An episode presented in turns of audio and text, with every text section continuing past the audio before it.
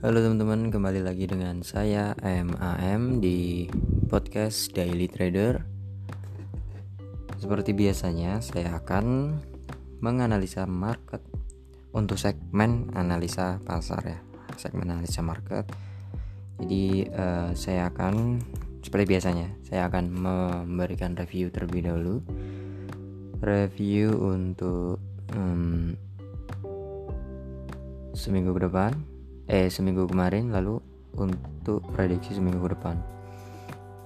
Untuk minggu seminggu lalu mari kita lihat berita-berita apa saja yang ada ya. Kita mulai dari uh, dari sektor metal dulu. Dari sektor metal seminggu ini kita bisa lihat dari kalender bahwasanya um,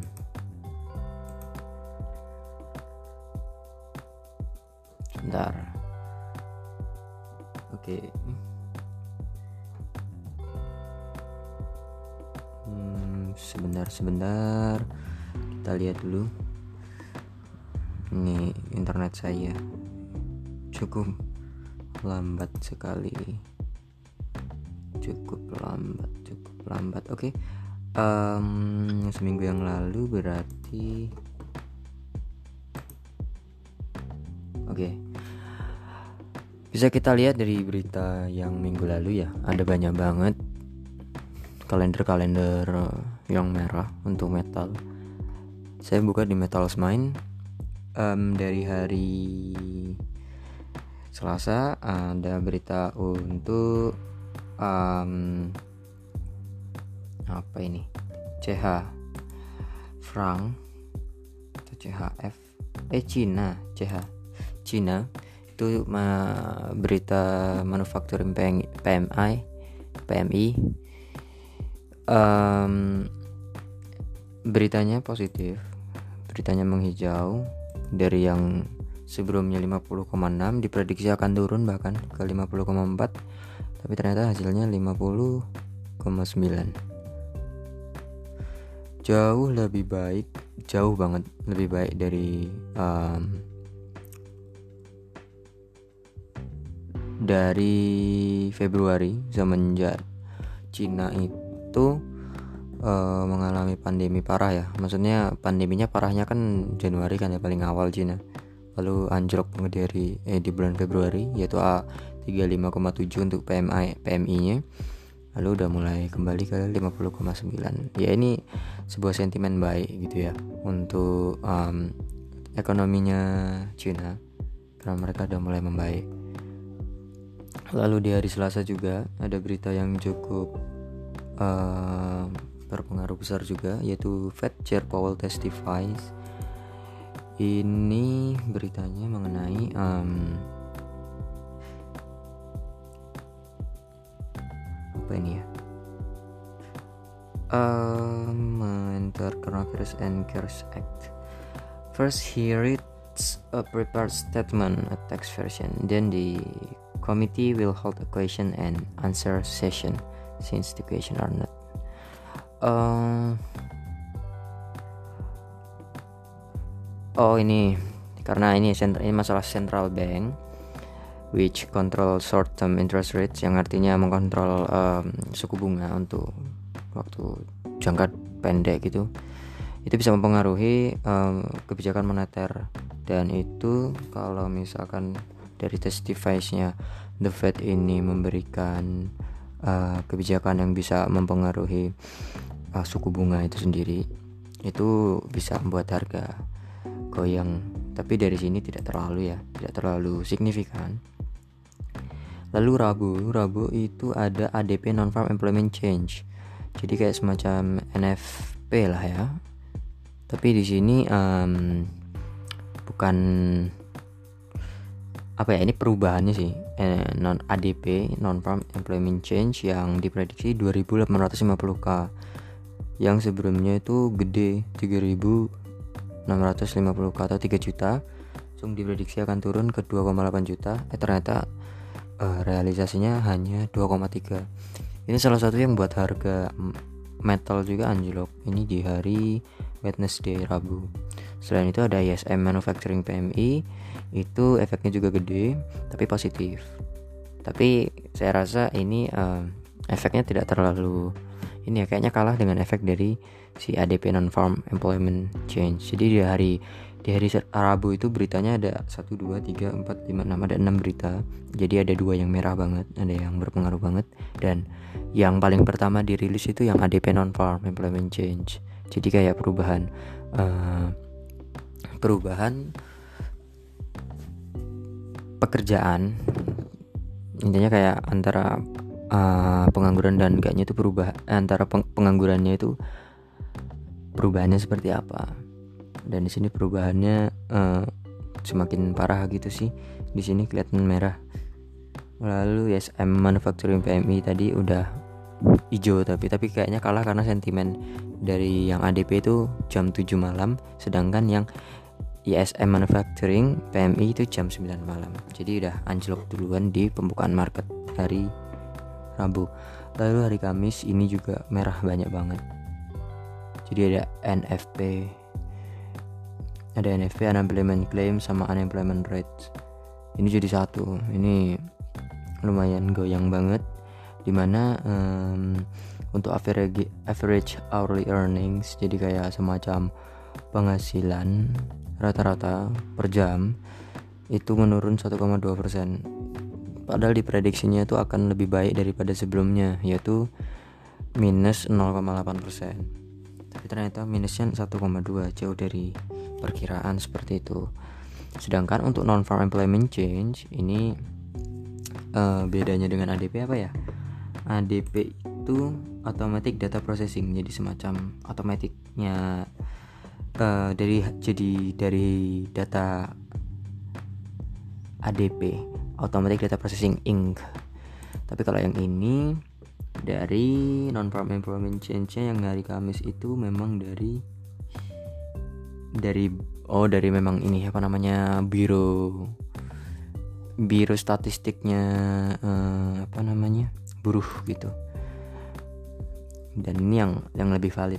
Dan ini untuk un unemployment claimsnya itu merah.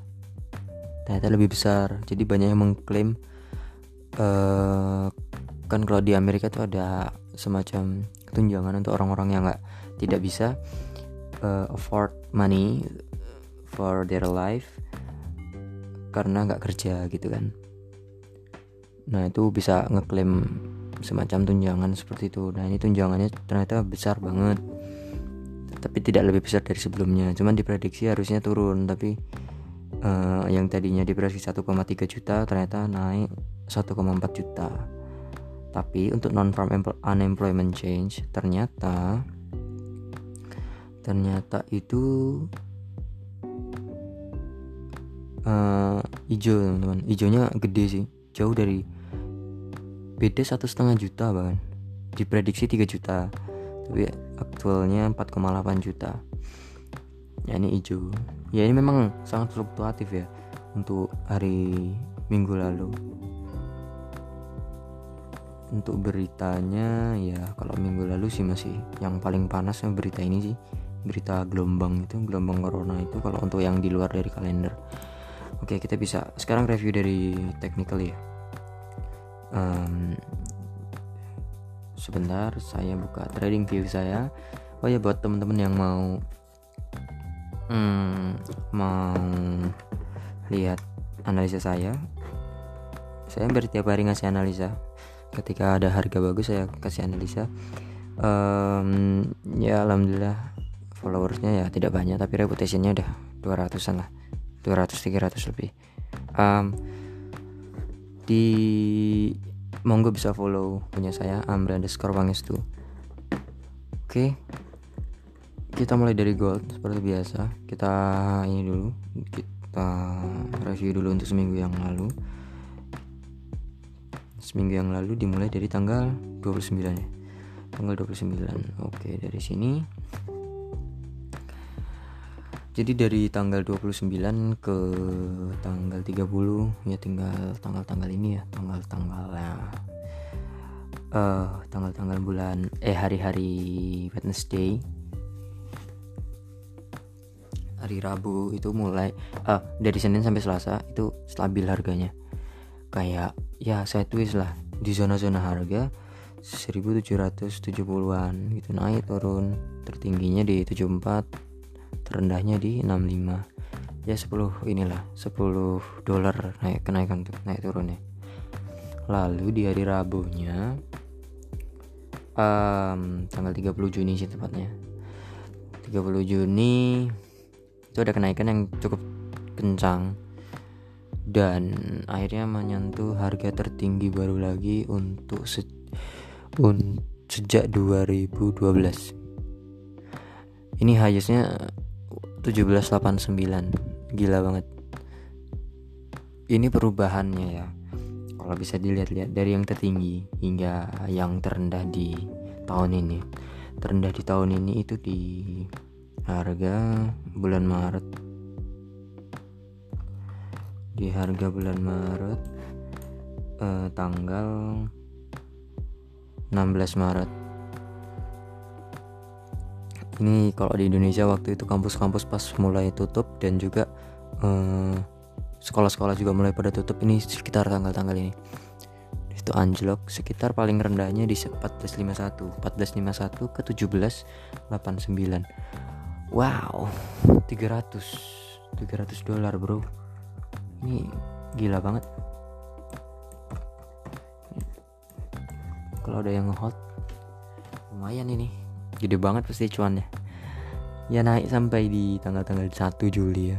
Lalu di tanggal 1 Juli um, jam-jam berapa ini? Jam-jam 10 jam 10 nya UTC itu artinya jam 5 lah.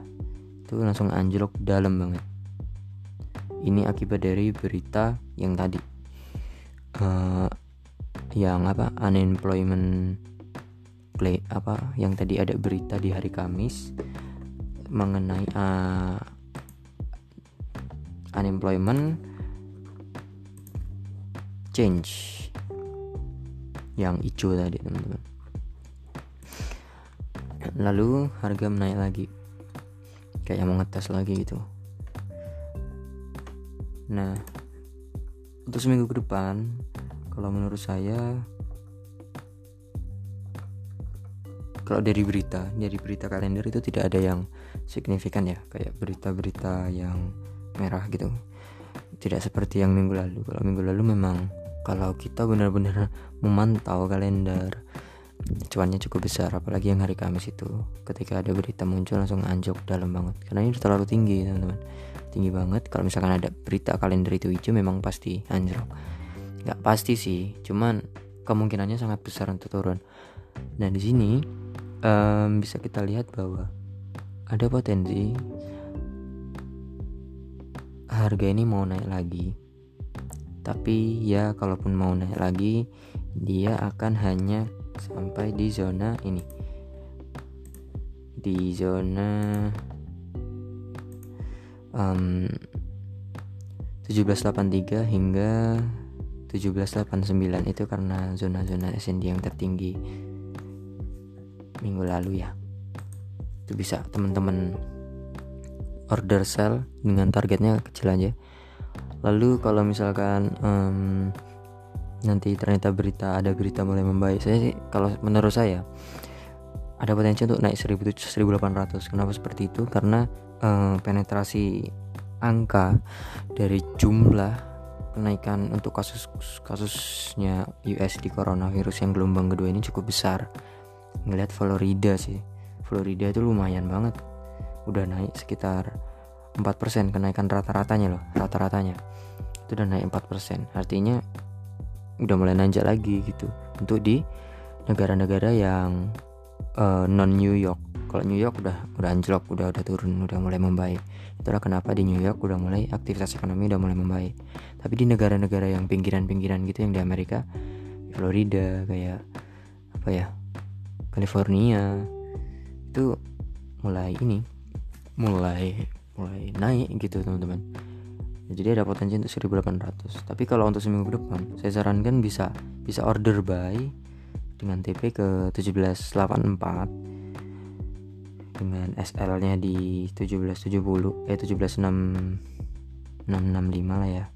Dengan order buy di zona-zona harga 1770 70 sampai 72 di situ dengan TP-nya tadi ya 1784-an itu kan tertinggi kemarin. Lalu untuk XAG nah kemarin kan XAG atau Vera saya prediksi akan turun ya karena uh, kelihatan dari bentuk channelnya. Ternyata sejak hari Senin harganya langsung terjun teman-teman. Eh, langsung naik gitu teman-teman. Sampai menembus zona channel zona resisten channel. Artinya kalau udah kayak gini perak itu mau naik terus gitu. Secara sentimen secara sentimen di luar dari um, di luar dari berita ya berita besar gitu. Di luar sentimen eh apa berdasarkan sen berdasarkan sentimen harganya akan selalu naik gitu. Harganya akan naik ke mana? Ada potensi untuk naik ke harga-harga um, 18,244 hingga 17433 ini ini support support atas. Jadi kalau misalkan mau nunggu harga itu baru sell silakan. Tapi kalau misalkan mau harga nunggu support apa tadi resisten atas. Ini kalau support, support bawah ada di zona-zona harga 1780 17,83 dari 1780 sampai 1783 jadi di situ bisa order buy. Ini harga akan di di situ lah kurang lebih harganya di range range itu untuk seminggu ke depan. Dan pergerakan minggu lalu ya sama aja sih kurang lebih sama seperti emas. Lalu untuk Euro USD nah kemarin kan saya prediksi harga akan naik dulu ya. Harga akan menembus harga uh, resisten atas yang saya buat kemarin. Di zona 1,12762 Alhamdulillah kena TP saya kena TP walaupun nyaris nyaris dikit lagi kena SL karena dia memang mau ngejar SL dulu ternyata. Tapi habis itu naik ke naik ke atas kena TP nah dari atas langsung saya kan memprediksi akan turun ke deket yang SL tadi di harga 1,1195 dan ternyata alhamdulillah kena lagi. Lumayan tebal sih itu pipsnya berapa ya kemarin? Coba saya hitung dulu. Hmm. 80 lah 80 pips. 80 pips habis itu har harga naik lagi rebound habis itu kena lagi di bawah lagi. Tapi ini saya nggak ngambil memang karena harganya membingungkan. Ternyata turun lagi ke atas naik lagi. Jadi di zona-zona ini harganya. Nah untuk seminggu ke depan untuk seminggu ke depan itu prediksi saya harganya itu akan ada potensi untuk naik. Karena di sini sepertinya membentuk zona tren naik gitu ya untuk euro. Dan untuk apa?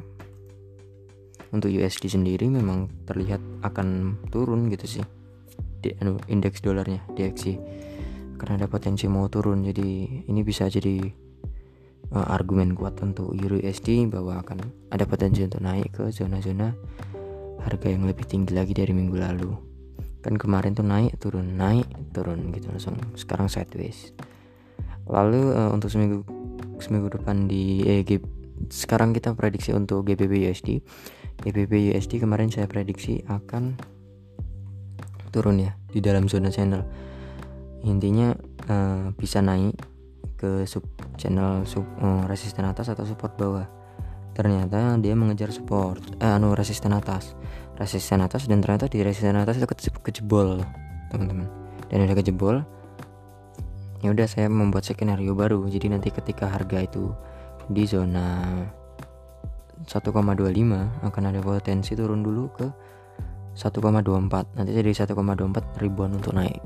Dan untuk seminggu depan ada potensi untuk GBP berpotensi untuk naik ke harga 1,26 262 263 gitu. Ada potensi ke sana. Dengan SL di dengan open posisi di ya harga sekarang bisa atau di harga 1,24 silakan mau dipilih di mana aja dengan SL nya di um, di sini di 1,235 Oke untuk GBP USD itu Lalu untuk Australian Dollar seminggu lalu saya prediksi akan turun untuk mengejar uh, support bawah dulu dari channel. Ternyata harganya udah udah pengen terbang lagi. Nah harganya naik lagi dan dari situ bisa kelihatan bahwa ada potensi harga akan menuju ke 0,700 jadi uh, bisa teman-teman prediksi ya untuk apa di skenario untuk 0,700 atau di 0,700 itu bisa order sell teman-teman. Dengan target kalau sell turunnya berpotensi ke harga 0,68 tapi kalau untuk naiknya berpotensi ke 0,700 gitu ya kalau mau ngebuy. Lalu untuk USD JPY um, USD JPY kan kemarin saya prediksi akan turun dulu lalu um, naik nah ini turunnya udah nyampe ya dan saya kemarin sudah order buy juga. SL nya masih masih dalam dalam range untung dalam floating profit floating biru. Um, dan belum kena SL ada potensi harga masih tetap seperti yang minggu lalu saya prediksi yaitu 108,269 dengan SL di 107,015 lalu untuk kemudian ada Aduh kok enggak Oh ini. Sebentar untuk USD Swiss franc CHF kemarin saya prediksi akan turun ya. Um, teman-teman bisa order sell di zona SN di 0,9500 atau di 0,955 pokoknya range 900 sampai 955 dengan target 0,942 harganya udah alhamdulillah. Ini udah floating profit juga um, tapi belum sampai TP dikit lagi sih kemarin di hari Kamis. Hari Kamis itu udah mau kena. Ternyata balik lagi terus ini udah ada potensi untuk ngejar. Sebenarnya kalau mau ditutup juga bisa sih. Silakan yang udah ini silakan ditutup voting profitnya. Kalau mau nunggu sampai 0,942 silakan. Tapi nanti kalau misalnya ternyata nggak nyampe situ dan ternyata kena stop loss ya tanggung masing-masing ya. Karena takutnya ini akan naik sih dikhawatirkan. Tapi sesuai plan saja teman-teman.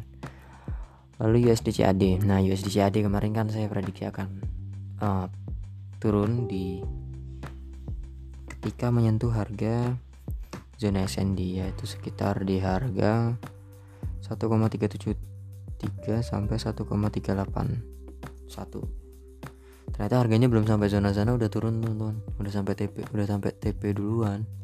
Dan saya juga belum kena juga ordernya. Tapi it's okay. Nggak kena order itu nggak apa-apa. Yang penting nggak kena SL aja ya.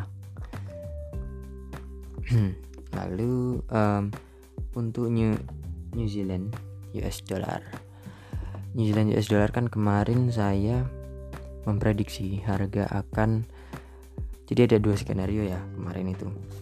Ketika kena SND harga akan berbalik arah ke atas dengan menyentuh zona SND yang atas Nah, um, atau misalkan harga SND-nya ini tembus, kalau misalkan tembus SND yang bawah, maka kita memprediksi SND yang bawahnya lagi TP-nya, jadi sell.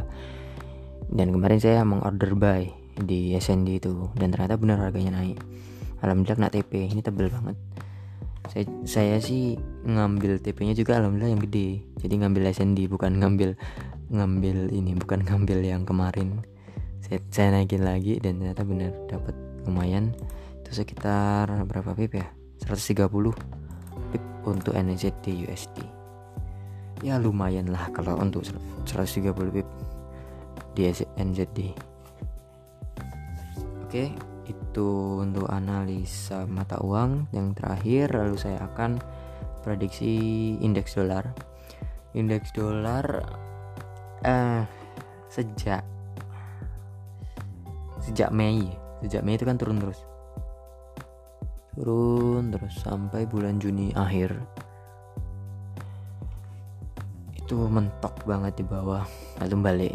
Artinya udah udah udah nembus zona trend dan akan ada potensi naik. Tapi ketika udah naik langsung naik lagi turun rebound naik lagi rebound lagi ke ke support rebound sebelumnya langsung lalu naik lagi. Nah kenaikan yang sekarang atau minggu lalu itu itu kenaikan yang ragu gitu. Artinya apa? Ini ada semacam gelombang untuk turun lagi untuk berapa waktu ke depan. Jadi untuk USD ini ada kemungkinan untuk melemah sih sebenarnya. Kalau dilihat-lihat walaupun ada potensi ya untuk naik tapi naik pun oh, nggak nggak nggak terlalu kuat gitu untuk kembali ke zona harga normal di awal tahun harga-harga normalnya. Ini soalnya turun banget hari bulan Mei lalu. Parah.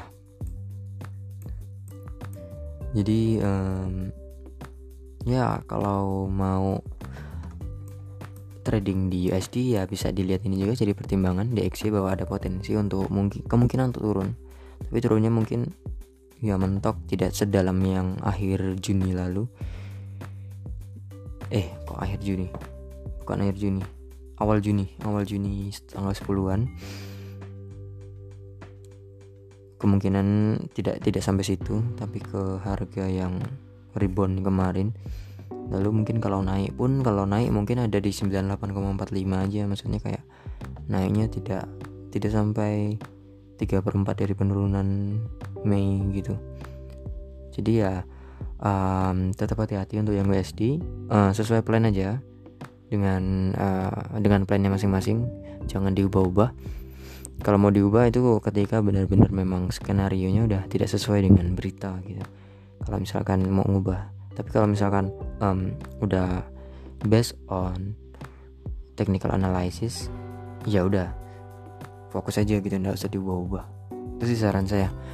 Ya sekian untuk seminggu ke depan. Uh, semoga cuan semoga sehat selalu semuanya. Semoga juga um, semua emosi yang muncul dari trading ini tidak mempengaruhi uh, psikologi maupun planning tradingnya teman-teman. Ya sekian dari saya. M. Salam sukses. Semangat